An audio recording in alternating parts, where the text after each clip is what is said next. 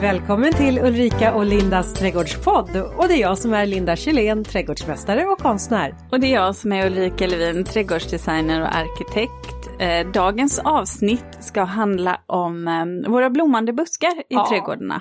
Mm. Alltså, jag, nu höll jag på att säga så här, det här är ju verkligen ett favoritämne. Nu sa jag det också, men det är bara det att det känns som att jag sagt det förut, ganska många gånger. Är du en busk?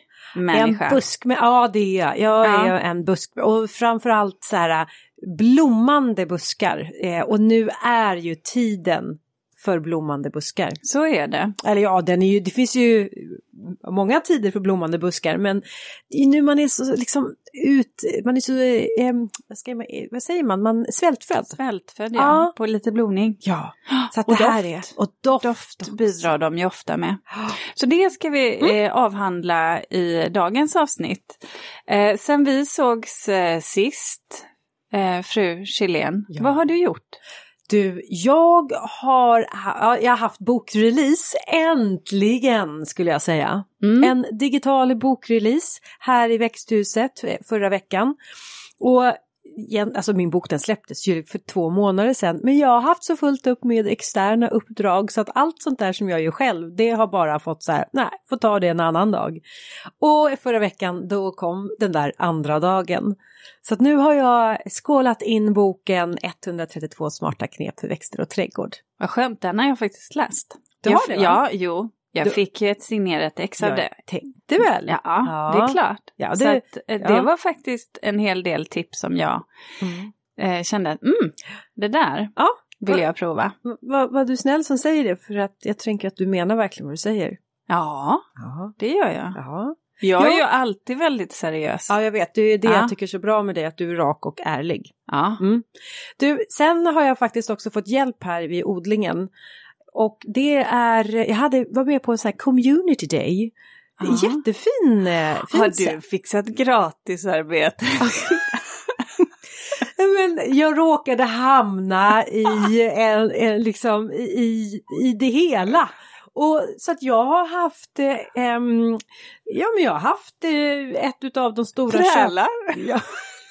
ja, nej men jag har haft, eh, jo men så jag har haft eh, ett av de här stora köpcentrumnats eh, Oh, vad konstigt det där var att säga i fler... Eh, flera... Ja, hur säger man det? Ja, det är inte så ofta man säger na. Ja, det är inte så ofta man säger det plural. Nej. Nej. Men eh, eh, en centrumchef som har hjälpt mig att så och, eh, och sen har jag haft någon ekonomichef som var här också och hjälpte till och, och, eh, och alla, alltså så här, det är så fantastiskt hur det här med odling, hur det får igång eh, glädjen hos dem som eh, bara så här närmar sig jorden. Och eh, även om det var att eh, Eh, gå med skottkärra och, och eh, kanske liksom eh, skyffla lite ko eller så här, hästgödsel så ja, men med sån glädje och sånt teamwork och eh, så att det har jag haft. Så att det här var liksom en sån här community day. De här eh, stora köpcentren de ger tillbaks till samhället. Lite Aha, samhälls, okay. Samhällstjänst. Men det ja. låter mer som att det är bestraff, alltså typ eh, som Ja, det fängelse. lät ju som en konsekvens av något kriminellt, oh, eller hur? Men så var det verkligen inte, det här var... Nej, men så att, och... För då hade jag blivit lite fundersam var du går och raggar dina oh. hjälpredor någonstans.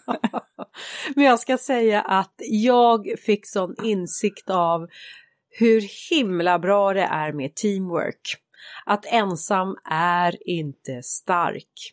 Ja, alltså jag fick så mycket hjälp här nere så att jag är oerhört tacksam och så fick de lära sig en massa och så fick man ja, sådär, säll sällskap i odlingen. Perfect match. Mm, ja, så mm. det, det, har, ja, det har varit en väldigt spännande vecka har det varit. Och eh, har du haft en spännande vecka? Ja men det har jag faktiskt eh, i min egen trädgård. Jaha! Den har jag fått lite kärlek och lite fokus nu. Äntligen har du haft tid för din egen trädgård. Det, det händer faktiskt ganska mycket i min trädgård, det är bara det att jag är inte delaktig i det. Ah. Mm. Mm. Jag jobbar. Eh, men Tur att du är gift med, med en god ja, man. Verkligen. Jag har eh, äntligen fått mina eh, spalé äppleträd. Jag sa ju att jag hade lite svårt att hitta dem. Just det ja! Nu hittade jag dem.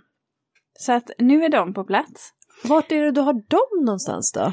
Alltså, är det de har jag vid min, ja, Ja. I, anslutning till min odling. Så de kommer bildas som bågar.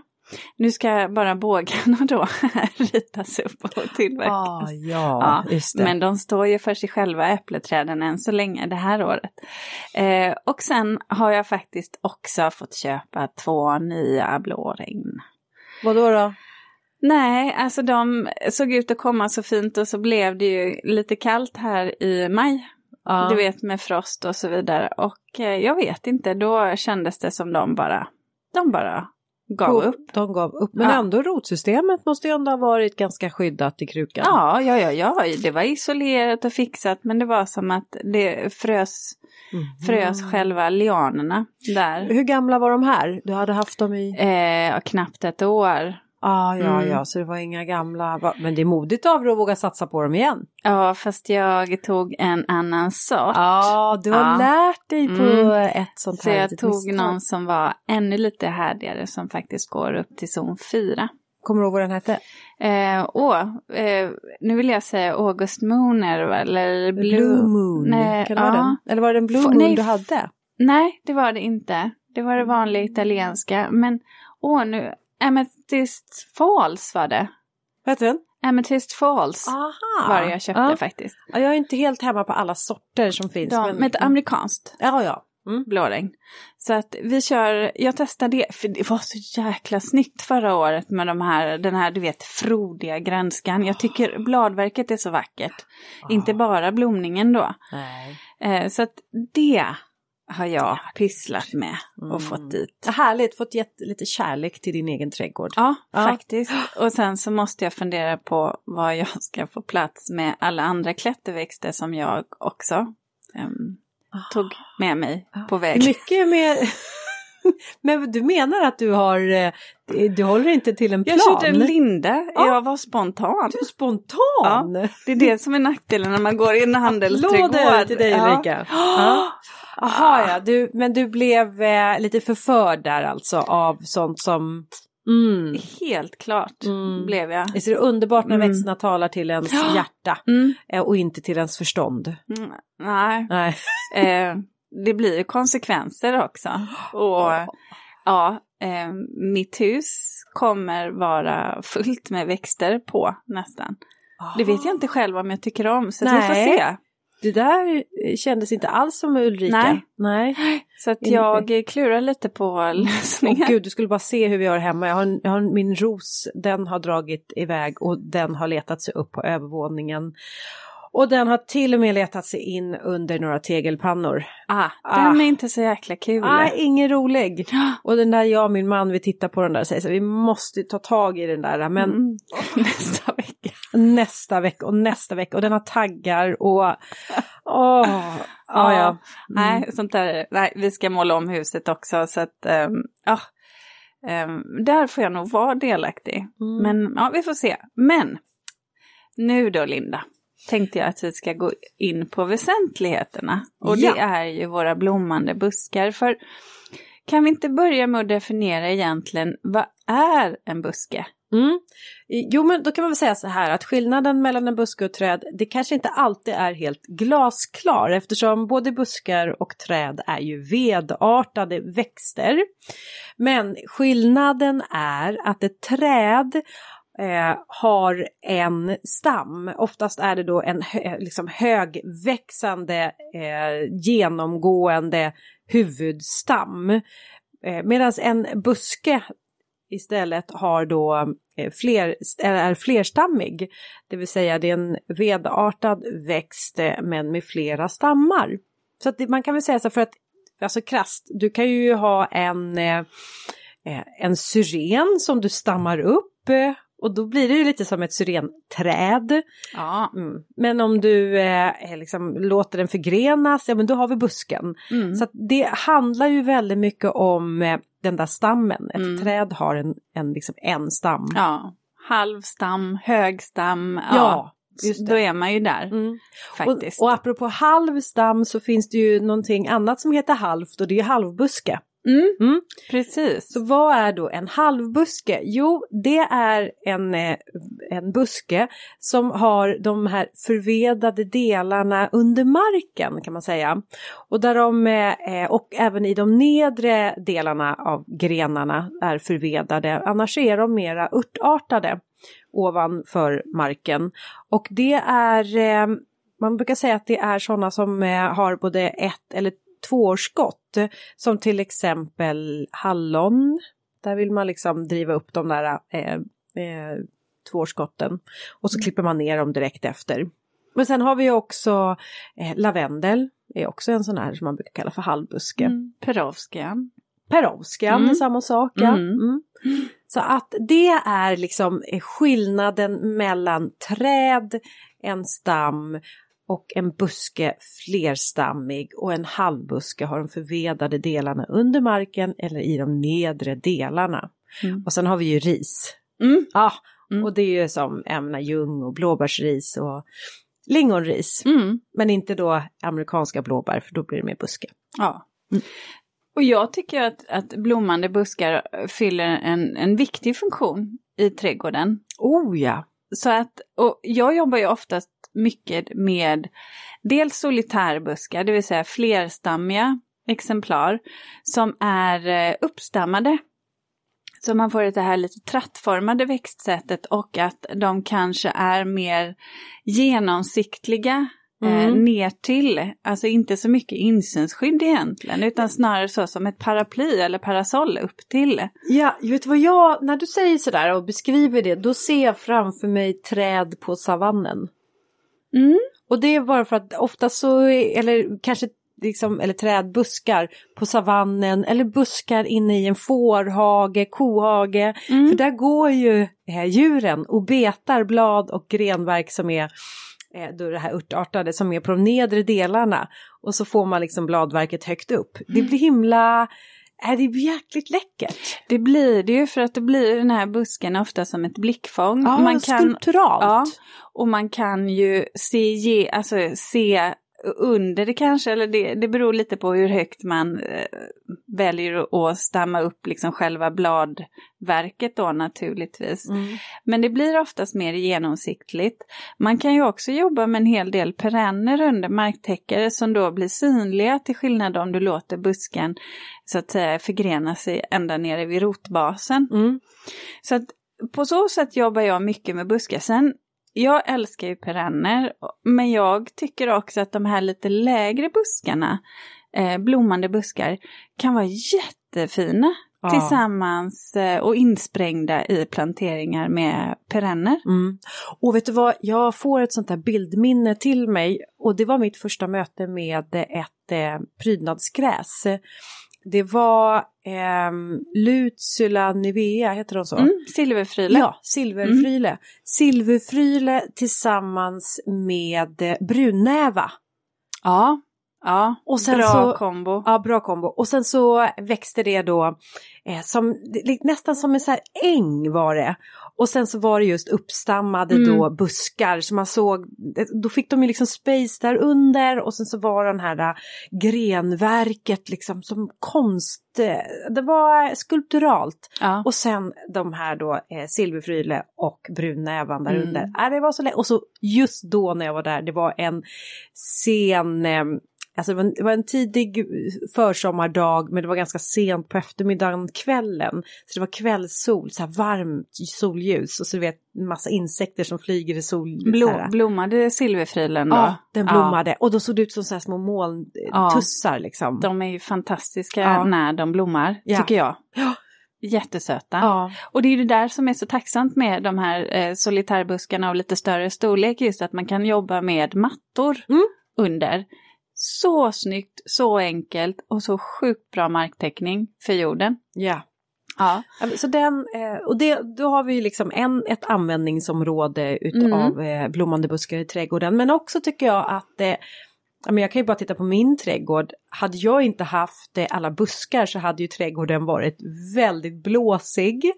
Den hade varit full av insyn. Och när vi pratar blommor har jag väldigt mycket syrener, jag har ett gammalt hus, det är liksom syrenhäck och det är jasmin, forsytian blommar också. Eh, det hade, det, trädgården hade bara varit grön. Jag tycker att det är så vackert med de här blommorna. Mm. Och jag då som älskar att plocka, jag tar ju kvistar dagligen. Så är de inte så hållbara alltid när Mm. man tar in dem men eh, mm. Syrener har jag faktiskt testat att göra sirap på. Jaha. Eh, och det var, ja, jättefin färg blev det. Däremot så tycker jag det var lite för blommigt för min smak. Faktiskt. Sirap? Mm. Syrensirap, det, det ska ni testa. Jaha, får googla på det då. Mm. Jag har gjort, eh, eh, däremot har jag gjort så här tårtor och eh, haft Ah, syrenblommor som ja. dekoration. Jag. Och jag tror att jag även har gjort såna här med lite så här socker på dem. Mm. Kanderat dem. Kanderat Mm. dem har jag nog gjort också. Jag har nog svagt minne av att jag gjort det någon gång vid någon fotografering tror jag om inte annat. Mm. Men de är tacksamma, Mm. just syrenblommorna eftersom man kan äta dem. Ja, men alltså jag kommer ihåg som ett barndomsminne, det var när jag och min kompis Marie gick till skolan ihop den här tiden då på året när syrenerna stod i blom. Då plockade vi sådana här syrenblommor och sen så Mm. sög vi liksom ut så här, mm, det var lite sött så. Ja. ja, Lite nektar. ja nektar ja. Och Mm. vi var som pollinatörer. Ja, Marie, eh, eh, fast ni bidrog nog inte på det sättet tror jag. Mer än att det blev Nej. lite mumma för er. Ja, precis faktiskt. Så. Ja, du har Ja. rätt i, du har rätt Nej i. men för pollinatörerna är ju också en aspekt. Ja. Eh, där de blommande buskarna kommer in. Eh, också för djurlivet, buskar generellt Mm. eh, Mm. kan ju vara väldigt tacksamma eh, hållplatser för både fåglar och andra små Ja, ja. eh, insekter och kryp. ja. Som man ändå vill ha i sin trädgård. Absolut, Mm. det, är, det är ju därför man har en trädgård tänkte jag säga. För att man ska ha så mycket djur som möjligt. Eh, ja, där tror jag inte att alla håller med, men jag, jag, jag är med på det. Jag stötte på räven stötte- här eh, i morse. Oj då. Ja, i morse. Ja. Mm, Ja. ja. Men du, eh, men även också tycker jag att eh, blommande buskar, jag brukar likna dem som, om man nu ska så här, göra sin trädgård och göra rumslighet i sin trädgård så säger man ju att man ska ha väggar.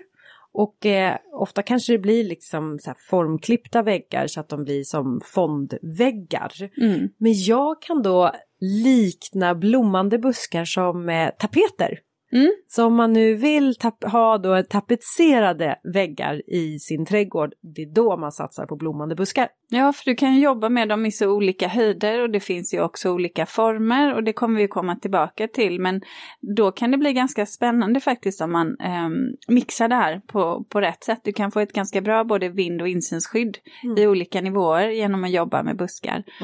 Och det är ju likadant det här om du har till exempel en gles häck ner till så kan du ju då eh, istället för att behöva plantera om men sätt en liten lägre buskrad framför den. Ölandstok. eh, allt utom Ölandstok Mm, då. sätta. Det Nej. finns andra buskar. Ja. Nej, men jag kommer med ett bra tips på Ja. Ölandstok. Ja, ja. Va? ja. ja okej. det gör jag. Ja. Ja. Men vad, Jag vad bara funderar på om det fanns något bra tips. Men, Ja. ja. ja, du och jag Ulrika. Mm. Men, eh, nej, men vad skulle du kunna tänka dig då för lågblommande framför? Beroende på läge, men jag kan tycka doftgersmin, alltså smultrongersminen Ah, Mont ja. Blanc Mm. kan du forma. Jag skulle kunna tänka mig The Bride, pärlbusken, Just The Bride. Mm. eller syringa.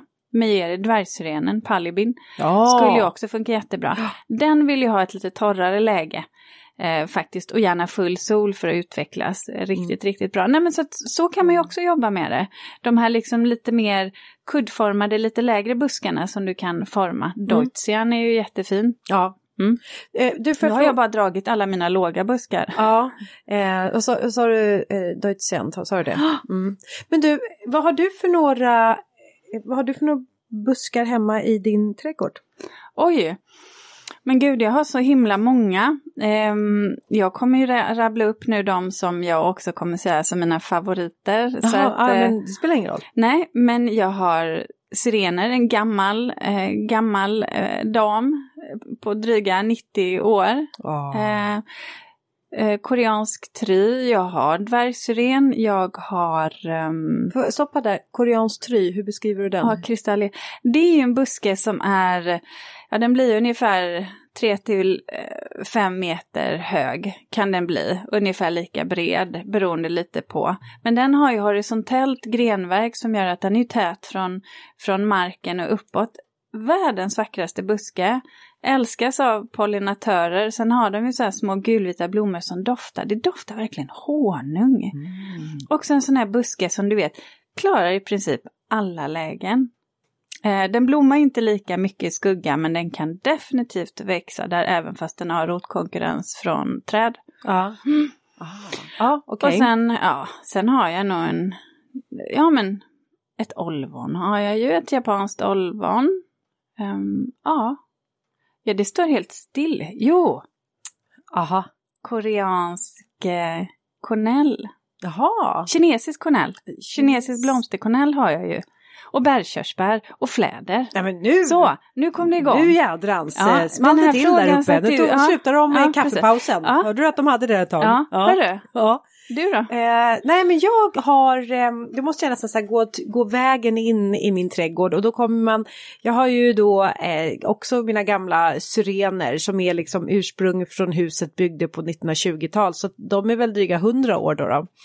Och sen så jasmin och då har jag ju båda sorterna, både då den stora doftjasminen och sen också smultronjasminen. Och den har jag planterat själv, smultronjasminen. Och sen har jag, eh, jag har också fläder, fast den har liksom sått sig själv där. De är ju ganska duktiga på att göra det så den mm. måste jag ta tag i. Ja men sen har jag också palibin, har mm. jag. Ja, forsytian, det är ett arv, eller ett arv, det är ett arv ifrån tidigare ägare som är kvar. Men den har jag liksom kvar för att den, äh, det är någonting med den att på våren gå ut och plocka eh, de här kvistarna och sen så driva upp dem i blom. Det är någonting jag tycker, det är något jag tycker är så kul. Ja men det är väl de buskarna som jag har hemma. Men sen har jag ju många så här drömbuskar som jag skulle vilja ha plats med. Men jag har ju inte så stor trädgård. Mm. Ehm, men, du, du, eh, kanske får ta dem som dina favoriter sen när vi kommer in eh, mm. lite senare i avsnittet. Mm. Jag har ju ställt en fråga. Ja, det här var jätteroligt. Till dig, för ja. du vet i, eh, när vi hade vårt trädavsnitt, då um, frågade ju du mig om jag var ett träd, vilket skulle jag vara då? Och då tänkte jag så här, nu ska du få svara på om, om du såg mig ja. som en blommande buske, vilken typ av buske skulle jag vara då? Ja, jag har haft lite svårt det här då. Därför att jag tycker du är så mångfacetterad. En mutant alltså? Det, nej, nej, ja. nej, men så att jag hade faktiskt lite svårt att välja. Men jag var, jag var ganska säker på att jag måste välja en växt som är väldigt finlämmad, stilig, eh, gracil, sober.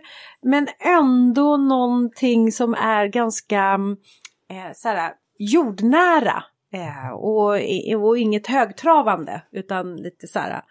Och då landade jag i en blodfläder. För den är så här mörk ah. och um, black lace och så får den den här kalla rosa blomningen. Ah, jag tyckte så här, och det kontrast, det är lite så design över den. Eh, så då hade jag bestämt mig för den men sen så Nej, kände jag så här, nej men vänta nu, Ulrika är mer än så. Ulrika är, är, är ännu mera gracil. Eh, och då tänkte jag, jag måste hitta någonting som är gracilt och nu har du redan sagt den här busken. Så då tänkte jag, yes, jag valde rätt. Jag ser dig som en bruddeutzia. Aha! Ja, den, det är alltså en Deutzia gracilis. Den är liksom stilren, det är utan krusiduller och romantik. Eh, men väldigt, eh, eh, liksom, den är väldigt vacker. Och eh, tydlig i sitt formspråk. Och så får den liksom gröna smala blad, lite alltså så smal som du. Och sen får den små klockformade blommor och det är också någonting som du är väldigt duktig på, klockan. Och ja. hålla tiden. så då tänkte jag så här, och när jag ser lite så här klockformade blommor då brukar jag tänka på Ulrika. Så. Och då slog det mig, nej det här är liksom, det är stilrent, inga krusiduller, tydligt formspråk, eh, smalt, gracilis, klockformade blommor. Ulrika! Ja men ja, eh, tack, tack och bock höll jag på att säga. Det mm. Var genomtänkt. Ja. Och jag trodde nog att det skulle säga att jag var någon oansenlig Ölandstok? Nej, det var jag faktiskt ganska säker på att du inte skulle välja. Nej. Eh, men typ någon sån här eh, litet olvon som, som sitter i utkanten av någon plantering. Nej du. Du. Du ser, jag har väldigt höga tankar om dig. Ja, Ja, ja. Men du- jag, så du- jag måste säga två jättefina val. det var så? Ja, fasen. Det är Nu känner jag att nu måste jag ju... Nu ska vi se vad du tycker om okej, hur jag jag, tänkte. mig. För Ja. det här kanske faktiskt känns ganska självklart. Ja, vi får se då. Mm. Varför tittar du sådär på Ja, mig? det, jag tycker att det är lite som att du ska berätta vem jag är. Ja. Nu la du... nu- Så här, nu känner jag att jag får krav på mig själv. Skulle inte vi säga att vi ska ha ett kravlöst program? Förhållande. Mm. Eller nej. Ja. Ja. Det, det, det går också bra med det kravlösa. Nej men säg det ja, nu. ja, förlåt. Så här, vet du vad? Nej. Jag ser dig som en kopparhäggmispel. Bäcklösa E, om vi ska gå på sort. Vet du varför? Nej men koppar är ju väldigt mycket jag va? Ja. Ah. Ditt hår. Ja. Mm, för det här är ju en buske som har så här otroligt vacker kopparfärg när den i bladutspringet. Och sen lite som du, så här lite överdådig blomning. Det går inte riktigt att missa en kopparhäggmispel. Ja, Ja. det går inte att missa den när den blommar. Men, Lite åh, som du. Men, och sen så tycker jag också så här att ah, det här är ju en, en buske som faktiskt kan verkligen stå som en solitär och sen så får den ju en sån här riktigt sprakande höstfärg. Åh. Som i, i orange där. Och då tänker jag så här, ja ah, det är en buske som är fin, den har kvaliteter hela tiden. Vad sa du att den hette? Jag har glömt. Eh, Kopparhäggmispel bäcklösa E. Ah. Bäcklösa låter inte så roligt, men kopparhäggmispel. Ja, Ja, men det det här är tycker det faktiskt den finaste sorten av alla Ja, kopparhäggmisplar. Ja, bäcklösa Ja, för den är så jämn och fin i sin stam och så slipper man sådana här tråkiga saker som rotskott och sådär. Ah, alltså nu känns det ju ändå som att jag kanske ändå har plats för en blommande buske till i min Mm. trädgård. Fyra till sex meter hög och tre till fem meter Ja, bred. ingenting är omöjligt. Nej. Nej, inte med två och ett halvt tusen eh, Små, små... Ja, just det som jag berättade om i förra avsnittet. du hittar ja. nog det, plats för Mm, det. det Ja, men det nog. tänker jag. Nej men gud vad glad jag blev! Ja. Ja. hörni, ni som lyssnar, fundera lite på om ni var en eh, blommande buske, vad skulle ni vara då? Ja, Det är, det är en liten kul sån här eh, tanke, Ja. eh, ett litet självporträtt att göra. ja. vi ser var man landar. Mm. Mm. Man vill inte vara någon hagtorn eller någonting i alla fall. Nej, Nej, det känns som att det är så mycket taggar. berberis. En Badberries vill man inte heller kanske vara. Mm. Ja. Nej, men du. Ja. ehm, nu har vi ju liksom pratat lite om hur man kan använda blommande buskar i sin trädgård. För du har ju sagt det här med buskage, insynsskydd och vi har ju sagt där att man kom- kompletterar med olika höjder. Eh, men sen är det ju också eh, faktiskt med perenner Mm. också. Kan man ju jobba med dem. Det jag tycker man ska tänka på då, det är ju det där att ska man ha en stor buske i ett hav av perenner eller ska man ha en stor perennarabatt med några få infällda buskar i, då kan det ju vara viktigt att man tänker på att man tar buskar som inte har för kraftiga rotskott eller som i så fall påverkar perennerna också. Eh, det är ju en aspekt att tänka till kring. Ehm, och sedan så har vi ju det här som är ganska klassiskt. Kanske en berså. Ja, vet du vad, Berson, Syren Berson, det var mitt allra första möte med ett trädgårdsrum. Och jag har alltid så här försökt att återskapa en berså i min egen trädgård. Och den här drömmen om att ha en sån stor trädgård så att man har plats för en sån här riktig, äkta Mm. berså. Eh, Så att jag, jag tänker att, För det kräver ju lite yta. ja det gör ju det. Mm. Men och där har vi ju, man behöver ju inte bara ha syrener i en berså utan man kan ju faktiskt använda sig av andra andra buskar också. Däremot så kan väl tycka så här att syren kanske kan vara bra just i bersån därför att man vill få den tät och syrener är ju ganska duktiga på att slå från sig rotskott. Mm.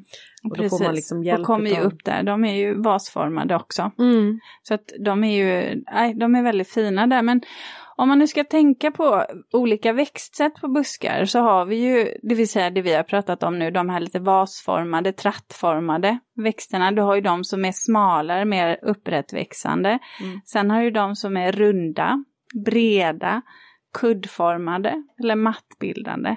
Har du några har du några förslag på favoriter och kan du så att säga säga när, när de blommar också så man får en känsla för vilken typ av buske man vill välja? Mm. Eh, jo men alltså jag har ju nu i maj jag tror inte att du kommer tycka så här jättekul om den här busken men det bryr inte jag mig om just nu för att jag vet att vi inte alltid tycker lika där. Eh, och då skulle jag vilja säga hybridspirea eller eh, eh Grefsheim, den som man kallar också för norsk spirea. Jag är som ett blankt blad ja, när det gäller spireer. Ja, ja, just det, så du, får, du ja, får, jag, jag, jag kan inte tillägga någonting. Nej, jag säljer in de här. Mm. det, men det jag tycker om med dem, det är att de har det här det, det finns något gracilt över dem och att de blommar på liksom hela eh, grenen. Och, och liksom som en enda lång kolv liksom blommar de. Och så doftar de en aningens. Och de där är så bra om man nu som jag vill plocka buketter så kan man då använda sig utav då eh, brudspiren eller den heter ju numera eh, norsk spiren eller hybridspirea. Alltså det är så jobbigt när växterna när de byter namn och mm. har sig. Men den tycker jag om och den är också väldigt härdig upp till zon 1 eh, till 6. Hur, hur, hur hög blir den ungefär? Nej men den blir ungefär en, eh, lite drygt en meter. Mm. Och det som är med eh, de här spireorna överlag det är ju att man ska vara försiktig med att gå in och gallra dem för då kollapsar de. De behöver liksom stödjas av mm. det, det, här liksom lite risiga grenverket som döljs där under. Men jag tror mycket, eller många av mina favoritväxter de eh, har jag ett Eh, ja, men liksom en sån nostalgiskt, eh, nostalgiska minnen utav. Och vi hade när jag växte upp i vårt radhus, då hade vi just eh, de här eh, spirean då, Grevsheim, utanför då som en prydnadsbuske. Så för mig var det när de liksom började blomma, det var så här om jag kom hem och de doftade. Så det, det, är liksom, det är väldigt mycket trygghet som är kopplat till många av de här växterna. Mm. Och då är det här en av dem. Så den tycker jag, men den blir liksom runt en meter lite drygt och den är ganska voluminös. Så mm. där är den. Har du någon som är högre då? Eh. Och som blommar lite senare? Ja, det har jag. Jag har ju den här som blommar då i augusti och då har vi konvaljbusken. Mm. Eh, Kletra alnifolia heter den. Och den får liksom så här klasliknande och det här tycker jag om på hösten. Och det är ju det hösten, sensommaren, när prydnadsbuskar doftar. Och det gör den här vita väldoftande blommor. Och eh, det som är lite speciellt med den här det är ju att den också trivs i skuggigt läge. Men också med ett lägre pH-värde i jorden, det vill säga en surjord. Mm zon 1 till 3. Mm. Och där kan vi väl komma in på det för att just det här med blommande växter mm. i skugga är ju lite knepigt. Och så även med, med buskar faktiskt. Ja. Men eh, några buskar som jag brukar jobba med är ju skogsolvon faktiskt. Ja. Mm. Eh, en sort som heter toppmyra E den är härdig också upp till zon ja, 6, alltså till och med 7 om den står rätt placerat. De har ju flata blomställningar, så här grönvita är de, och blommar i maj-juni. Och den här tål skugga jättebra, men däremot så får, tål den inte torka och värme. Så den vill stå fuktigt nästan i våt jord. Och gärna lite blåsigt för annars så kan den drabbas av en hel del angrepp mm. från parasiter och så. Mm, och lite, sam- ja. lite svamp. Mm, mm, precis. Eller så brukar jag ha Strömsund E. Mm. Som, är, som har runda bollar, vita bollar som blir, ja, du vet, typ de bara snöbollsbuske. Snöbollsbuske. Ja men vet du vad, jag har den också på min lista här. Ja, men den, är, ja. den tycker jag är fantastiskt fin. Roseum finns den som heter också. Ja, jag gillar Strömsund E för den är faktiskt härdigare. Okej. Okay. Mm. Eh, och bättre. Ja, den här eh. är ju ändå härdig upp till zon 5. Ja, ja. och sådär också en sån här halvhög buske och bred och framförallt så kan jag tycka att den är så himla effektfull, effektfull om den står inne du vet, i ett buskage där med lite mörkare grönska bakom, för då sticker de här bollarna, de bara liksom poppar sådär i skuggan. Ja, poppar i ordet. Ja, ja jäkligt snygg ja. Eh, buske faktiskt. Så ja. de kan jag tycka att man kan satsa på när man har lite skuggigare mm. yta och vill ha något som blommar. Mm. Mm. Men du, eh, vi pratar ju om att eh, många utav också de här blommande buskarna gör nytta för pollinatörer. Om man då vill skapa eh, en trädgård som bjuder in då eh, humlor och bin och fjärilar, då tycker jag att man, fjärilar speciellt då, ska satsa på en eh, buddleja. Klart man ska. Klart man ska ha en ja. Eh, fjärilsbuddleja, till exempel Miss Ruby. Mm. En annan sort.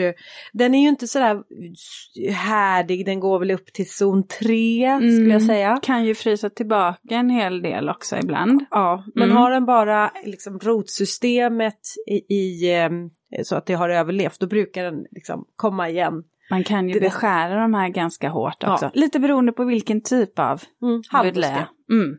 Som vi eh, pratar om. Men den är ju helt tokig med hur mm, omtyckt den är av just fjärilar. En eh, buddleja. Mm. Så är det ju. Men sen, eh. och sen så ska jag väl också säga att eh, vi har ju även då liten rosenkvitten. Mm. Och, av sorten som heter Motala. Och det här är ju en, jag är ju väldigt förtjust i den här just för färgens skull. För den har lite, nästan lite så här eh, aprikosorangea tegelröda blommor. Och är också en riktig sån här liksom eh, humle och eh, bimagnet. Eh, och den blommar ju då tidigt, tidigt på våren. Mm. Är inte särskilt hög. Jag har två lite högre buskar som är två av mina absoluta favoritbuskar. Mm. Och den ena är pärlhägg. Jaha. Göteborg E. Har du sett den? Nej. Den är helt, helt fantastisk. Den har, bladverket är som en blandning mellan, du vet, hägg och hassel nästan. Och sen så kolvarna då, blomkolvarna är vita, gräddvita och doft, alltså de doftar så himla gott. Och när de kommer precis innan blommorna slagit ut, det ser ut som, ja men du vet små smycken som sitter på busken, för det är som små pärlor, vita pärlor. Och sen så har den en helt magisk höstfärg. Den byter egentligen färg, höstfärg. Det är en av de tidigaste buskarna som övergår till höstfärger. Mm. Nästan innan man kan känna att mm, har det verkligen blivit höst? Eh, jättefin, ganska långsamväxande, men drabbas inte heller av spinnmal. Ah. Vilket jag, vanlig hägg, eh, kan gör, göra ganska eh, ja. rejält. Ja. ja, vissa år i alla fall. Och sen har jag ju den som jag har i min egen trädgård. Eh, det är ju den kinesiska blomsterkornellen China Girl. Mm. Den är ju fin. Men får jag fråga dig, eh, om när du gör trädgårdar, ja och du ska rita in buskar. Ja. Jag tänker så här, ja men buskar självklart man har det som häckar, man har det som avgränsningar, mm. så här formklipp kanske, in, in, alltså väggar i trädgården. Men vart placerar du oftast eh, prydnads, alltså de här, de här blommande prydnadsbuskarna? Hamnar de liksom i planteringar eller hamnar de i eh, något sånt där liksom buskage? Eh, samplanterar du flera olika?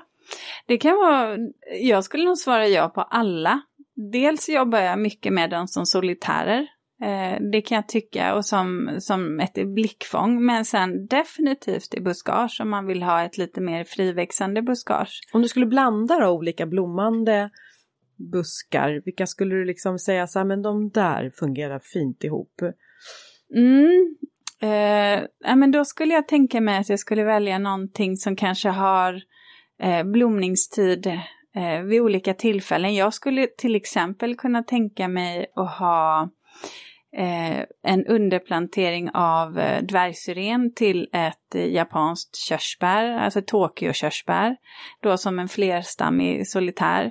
Eh, just för att jag tycker också att eh, dvärgsyrenen blir lite kuddformad, man kan forma dem nästan så att de blir som små bollar. Mm. Väldigt, väldigt fint.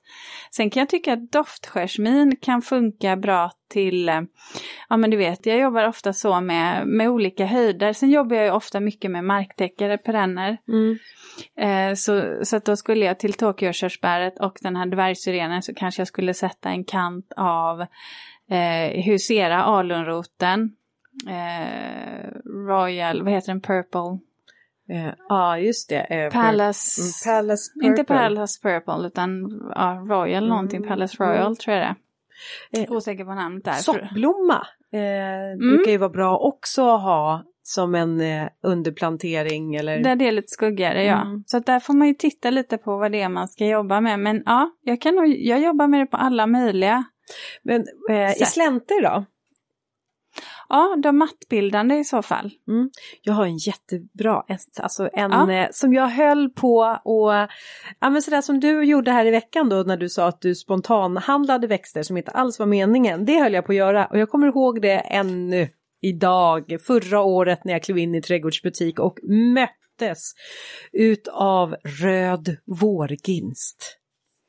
Röd vårginst, hörni kära lyssnare, den eh, Alltså den är så vacker i sina färger för den innehåller eh, både rött, rosa och gult i en och samma liksom eh, blomma, om man nu kan kalla det för blomma, men liksom kronblad på de här blommorna.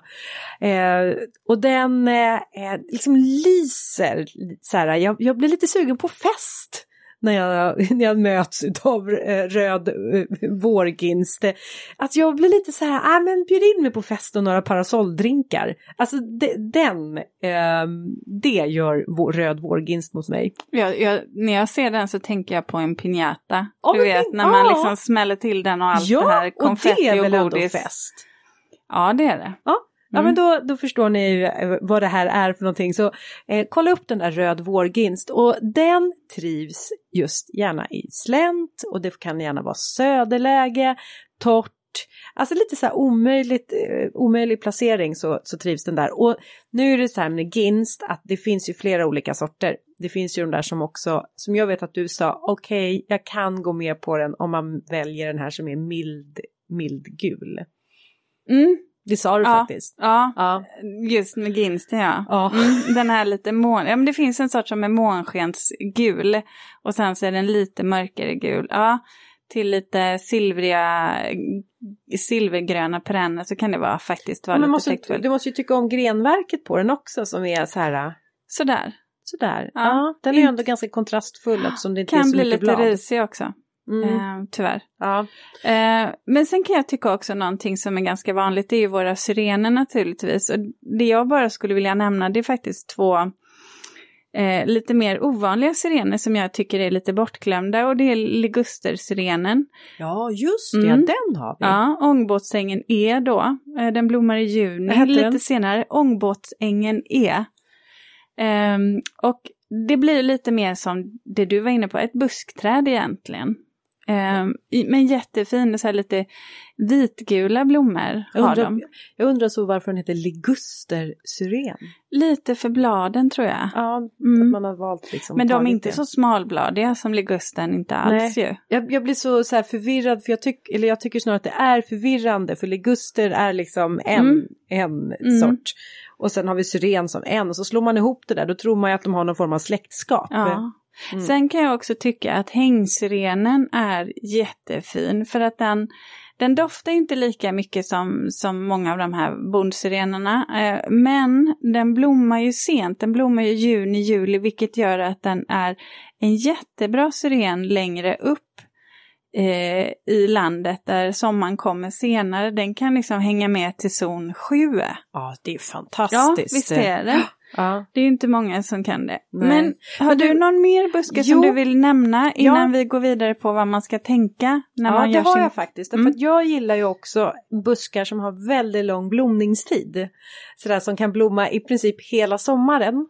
Och ja, nu har, kommer den? Nu kommer den! Ja. Nu kommer en liten Pink Beauty. Och det är en rosa blommande trädgårdstok. Frutikosa-gruppen, bara det. Putintilla frutikosa. Hur är det min lilla Putintilla frutikosa? Ja, den sidan som jag bläddrar förbi i min ja, jaha, växt, mitt var, det är inte meningen. Vi, ska, vi får nog highlighta kör, den. Vi, vi, för ja. det, det, är väl en, en klar fördel med lång blomningstid. Ja men det är det. Och den, om man alltså står den, ut med busken. Ja, och det mm. gör man ju. För att den, och den här alltså den är, den är tålig och eh, alltså blommar rikligt i rosa eh, i princip under hela sommaren, alltså den någon gång från juli och sen ända till september. Och sen har jag faktiskt en annan som jag tycker är jädrans En till tok? Nej, det är ingen, jag kan inte hålla på och svära så här, men det är, halv, det är ju inte meningen. Men jag blir så till mig när jag hittar bra växter. och då har jag den här och det är en vinterhypericum. Hide Coat. Den, vet inte jag ens hur den ser ut. Nej, men jag tror ju faktiskt inte att det här skulle bli en favorit för dig, men för mig är det det. Mm. Och den får eh, liksom ganska... Eh, tänk dig lite som en, eh, en vit sippa, eller nej, nej, tänk en smörblomma. Mm. Eh, fast modell liksom, alltså hur mycket, hur stort är det här? Det måste ju vara... Fem centimeter ja, i diameter. Ja, men i alla fall kanske inte så stora blommor, men en stor, stor smörblomma kan man tänka. Mm. Eh, gula blommor som sitter, alltså som blommar liksom under större delen av sommaren. Mm. Och ehm, eh, busken kan också bli lite, vara lite halvt vintergrön. kan mm. det vara. Mm. Men den får liksom stora enkla mörkgula blommor. Och sen har den ett ganska också eh, glänsande bladverk. Mm. Zon 1-3. Ja, mm. och jag tänkte så här nu att så här, när man planterar sin buske så behöver man ju tänka lite på dels det här med näring och så. Självklart vilken, beroende på vilken sort man väljer och vilken typ av jord den ska ha och näring då. Men ofta så behöver man faktiskt dra på lite näring. Samma sak där de första åren. Um, men sen är det ju också det här med beskärning som jag tycker är så viktigt. För jag vet inte hur många gånger jag kommer ut till kunder och sen så är det en buske där det bara är några taniga pinnar och de bara säger nej jag köpte den men det blev ingenting. Nej, du missade uppbyggnadsbeskärningen. Exakt! Ja, för det är ju så att eh, för att stimulera en eh, buske till att bryta flera grenar eller liksom flera skott så måste du våga dig på att gå in och eh, eh, forma busken och då gör man det genom att man, jag brukar ofta säga att jag, jag brukar klippa tillbaks fjolårs, det som den har liksom vuxit förra året, det beskär jag tillbaks till hälften ungefär. Och så får man ju bestämma hur många våningar, liksom mm. grenbryt man vill ha tills man känner sig, nej men nu är den här tät ända från basen och ner eller nu ja. har den fått sina fem grenar eller vad det nu är. Ska den stammas upp? Mm. Eh, och sen är det ju naturligtvis eh, rätt period ska man ju beskära det Jag kan alltid tycka att om man har svårt för att veta hur och när man ska beskära så kan jag också tycka att jasperioden, det vill säga juli, augusti, september är ganska bra. Men nu kommer vi ju till det här med att det är blommande buskar. Ja. Ja, och då är det ju så här att det finns ju alltid en risk när man håller på och beskär blommande buskar att man skär bort blomanlagen. Det som har då eh, bildats och speciellt om det till exempel är då en eh, jag menar en eh, buske som blommar på fjolårsskott. Eh, det vill säga att då eh, bildas ju blomknopparna på sommaren, eh, till exempel forsythia, ginst, syren. Och där bör man ju beskära sin, eh, om man nu är ute efter att aldrig vara utan blomning, då bör man beskära direkt efter blomning. Mm. Så man kan säga så här, vårblommande buskar beskärs direkt efter blomning. För då hinner de bilda nya blomknoppar under sommaren. Däremot generellt höstblommande buskar, de kan man, eh, de blommar alltså på årsskotten, alltså det är de som bildas eh, på eftersommaren. Och det är till exempel hortensia hypericum då, eller syrenbudleja. Mm. Eh, de beskär man på senvintern. Och här får man ju kolla vilken buske det är man mm. har. Alltså jag har en lite rolig historia därför att när jag jobbade som eh, i en trädgårdsbutik så kunden har ju alltid rätt och då var det en kund som kom in och var helt förtvivlad över för att jasminen hade slutat blomma. Och jag tänkte gud det måste vara något måndagsexemplar på den här jasminen. Mm. För kunden har alltid rätt, den har slutat att blomma. Tills jag då ställde då massa frågor, bland annat beskär du jasminen? Ja, ah. det gör jag. Varje, varje vår så beskär jag. Jag bara, ah, men då har vi ju svaret. Mm. Det är ju du som ser till att den inte blommar för du skär ju bort alla blommanlag. Mm. Mm. Så när det gäller just blommande buskar, var lite obs på när och liksom kolla upp om Exakt. du ska, eh, det är någon som blommar när på fjolårsskott eller på årsskott. Ja, när man ska beskära mm. dem. Men uppbyggnadsbeskärningen det kommer man inte ifrån. Nej. Det ska en göra. Ja, Punkt det ska en slut. göra. Mm. faktiskt. Yeah. Däremot är det inte lika viktigt att alltid klippa bort överblommande blommor. Faktiskt. Eh, Nej. det kan ju se lite skräpigt ut och det kan man ju ansa bort då men ofta så tar ju växten hand om det själv. Ja men ofta så bildas det ju också ett bär efter en blomma. Eh, kanske, Precis. men eh, sen kan det vara fröställningar som på syrenen om man tycker Ja. att ah, det ser inte så fint ut. Men inte om man har en hel syrenhäck. Och sen så, bara kort innan vi avrundar så, så vill jag bara ta upp där om man kan flytta blommande buskar eller buskar. Det är klart man kan göra det. Ja. Däremot så är det ju som med många andra vedartade växter att det bästa är att flytta eh, på vårvintern där när kärlen har gått i marken och trädet inte har börjat skjuta fart. Eller busken då. Eller så flyttar man den på eh, senhösten, kanske in i november innan kärlen har eh, Ja, när den har avmognat. Ja, när och den har avmognat och är redo. Så man kan väl säga så här, när busken befinner sig Ja. i vila. Men naturligtvis, då beror det lite på var i landet man bor, när vintern kommer. Och är det vintergröna växter som, som till exempel, vi har ju blommande vintergröna buskar som lagerhäggen till exempel. Det är ju ändå bäst att göra en vårplantering på en sådan Mm. växt. Så att det där får man också kolla. Men det är klart att det går. Absolut. Mm, det gör det. Men du, Ja. eh, vi, får, eh, vi får runda av här. Ja. Och så ska jag ställa eh, en fråga. Ja. Eller vad har du för reflektion för veckan? Ja, eh, du, eh, jo men så här, jag har en reflektion över det här, vikten av att sätta upp mål och eh, vad som kan hända med en som person och ens eh, ja, men, eh, självkänsla när man liksom går i mål och man lyckas liksom uppnå det där målet. För det har jag sett hos min dotter. Hon har under nästan ett års tid eh, övningskört och läste in sig på eh, trafikregler för att ta eh, motorcykelkort, lätt motorcykel. Och jag är inte alls för det här. Jag tycker att det här inte alls känns bra i mitt modershjärta att ha henne åka omkring på någon motorcykel. Men eh, det här vill hon. Och nu i veckan, då lyckades hon. Hon tog sitt motorcykelkort och hon har kört upp och hon har gjort teoriprov och misslyckats men gjort om och nu har hon sitt körkort. Och det var sån skillnad på henne, liksom i hela hennes, eh, ja, men hela hennes självkänsla och självförtroende när hon nu har fått sitt körkort. Eh, Att hon hade lyckats med den här målgången. Och Mm. då kände jag så här, okej, jag, jag kanske inte gratulerar dig till egentligen körkortet. För jag tycker att det är läskigt. Men jag gratulerar dig till att du har lyckats liksom haft ett mål och tagit det till målet och det har fått dig att växa som människa. Mm. Så att det där med att sätta upp mål, det är Mm. någonting som ehm, Ja, eh, det, det bygger upp ens ehm, eh, styrka. Mm. Gör det. Grattis Tora! Ja, grattis Tora! Ja, eller hur? För jag vet att du lyssnar på det här programmet ibland när du ska sova. Ja, det gör hon. Sövande, Sövande podd! om inte annat. Ja. Man, man kan lyssna på oss när som, kan Ja. man väl säga. Ja, vi är bara, Mm. vi är bara glada över att, att Mm. ni lyssnar. Ja men, eh, eller sover. Ja. Sover bra, det vill vi att ni ska göra Ja, också. Visst. Men, eh, ja, nej, men så det var min reflektion. Sätt upp mål och eh, bygg på er egen styrka i det.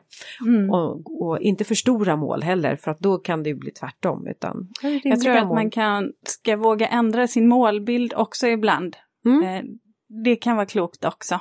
Ja men om de, man har satt dem lite för höga, då kan du Mm. behöva skala ner Saker dem. och ting händer Mm. också. Men ett körkort känns som ett tydligt mål. Ja, det var ett tydligt mål. Det var Mm. bra gjort. då. Men du, eh, får låt höra vad du har för reflektion. Eh, jag tänkte också på mina barn. Eh, min äldsta son och hans flickvän faktiskt. För jag eh, har ju läst här att, eh, läst en artikel i tidningen om eh, att glaciärerna smälter allt fortare. I och med att eh, det blir varmare. Och framförallt eh, många av glaciärerna i Himalaya. Himalaya. Ja, just det. Säger Eh. man klimatis eller klimatis? Ja, Ja. Himalaya ehm, håller ju på att dra sig tillbaka väldigt, väldigt snabbt. Och det här är ju, det är ju allvarligt för det är, är ju vattentillförsel för eh, 1,6 miljarder människor som är beroende av det här. Det, det är ju till de här stora floderna, avrinningen till Ganges eller Gula floden, Brahmaputra. Och för att de ska kunna odla i de här områdena eh, så krävs ju vatten och det är en väldigt bördig del. Kommer, de här, kommer det här vattnet inte finnas kvar sen eller glaciären inte finnas kvar, då blir ju den här eh, marken obrukbar. Och i samband med att jag läste den här artikeln så såg jag också samtidigt att eh, ja, men nu re bokas resorna på. Du vet med rekordfart, det blir fullt igen. Och ja, men då satt jag väl och ojade mig lite så här då. eh, inför eh, min son och hans flickvän som är i 20-årsåldern. Och, ja men du vet lite så här att ja, eh, det här det är ju helt bananas egentligen. Eh, och, och, på något sätt tänkte väl att ja, jag gör det för deras skull, jag avstår eh, för att de ska få eh, en, en dräglig tillvaro själva när de växer upp. Och jag, någonstans så satt jag och tänkte så här att ah, det, de håller väl med. Men då sa de någonting som jag faktiskt inte har reflekterat över, att inte nog bara med att de kommer få ta hand om konsekvenserna av eh, våra fossila utsläpp. Eh, det är också så att de får avstå. Så att de menade på att, nej men vänta här nu. Det är dubbelt upp för dem eller? Ja, mm. du har ju fått resa. Du har fått åka jorden runt. Du har fått åka hit och dit i världen. Och nu ska vi då helt plötsligt bara inte åka. Hur rättvist är det egentligen? Det kanske inte var den frågeställningen jag hade eh, trott att jag skulle få. Nej. Fick mig att tänka lite. Mm. Mm. Mm. Ja, eh, och den får man nog fundera på för det är också sådär, ah, ja, eh, herregud, det är så svåra stora frågor liksom som vi står inför. Det är sånt vi pratar om ja, vid middagsbord. Oj, oj, oj. Bjud inte in mig, jag behöver inte komma. Precis, vad ska vi prata om då? vad ska vi? Nej men det var väl bara det att just det där att eh, jag insåg att jag, jag snöade in på ett perspektiv. Mm, så det var ganska nyttigt att få, att få höra någonting från, från en ung människa mm. också. Mm. Ja, som det... faktiskt hade något att säga. Ja men man ser väl allt ur sin egen synvinkel och det är mm. det som är så intressant när man då sätter sig och har de här samtalen och diskussionerna. Och att man är öppen för att lyssna och ta in. Mm. Och här satt jag och tyckte att jag var en världsmedborgare ja. som då funderade på alla eh, som kan drabbas eh, i andra delar av världen. Mm. Ja, men jag tänkte inte Ja, vi får, vi får fundera vidare på det hur ja. de både också ska få, eh, få ha kakan ja. och äta den samtidigt. Eh, ja, mm. det blir ett det blir jättefråga. Ja, det blir ja. jättesvårt. Men du, eh, vi säger så. Tack så hemskt mycket för att ni har lyssnat och så hörs tack. vi nästa vecka igen. det gör vi. Ja, det Hej lovar vi. Hej då! Ja, nej fasiken det är svåra. Ja. svåra frågeställningar alltså. För Vad ska man tycka... hitta för samtal när man ska bjuda dig på middag? Då? Ja, eller hur? Man fundera på eh, vad man ska hitta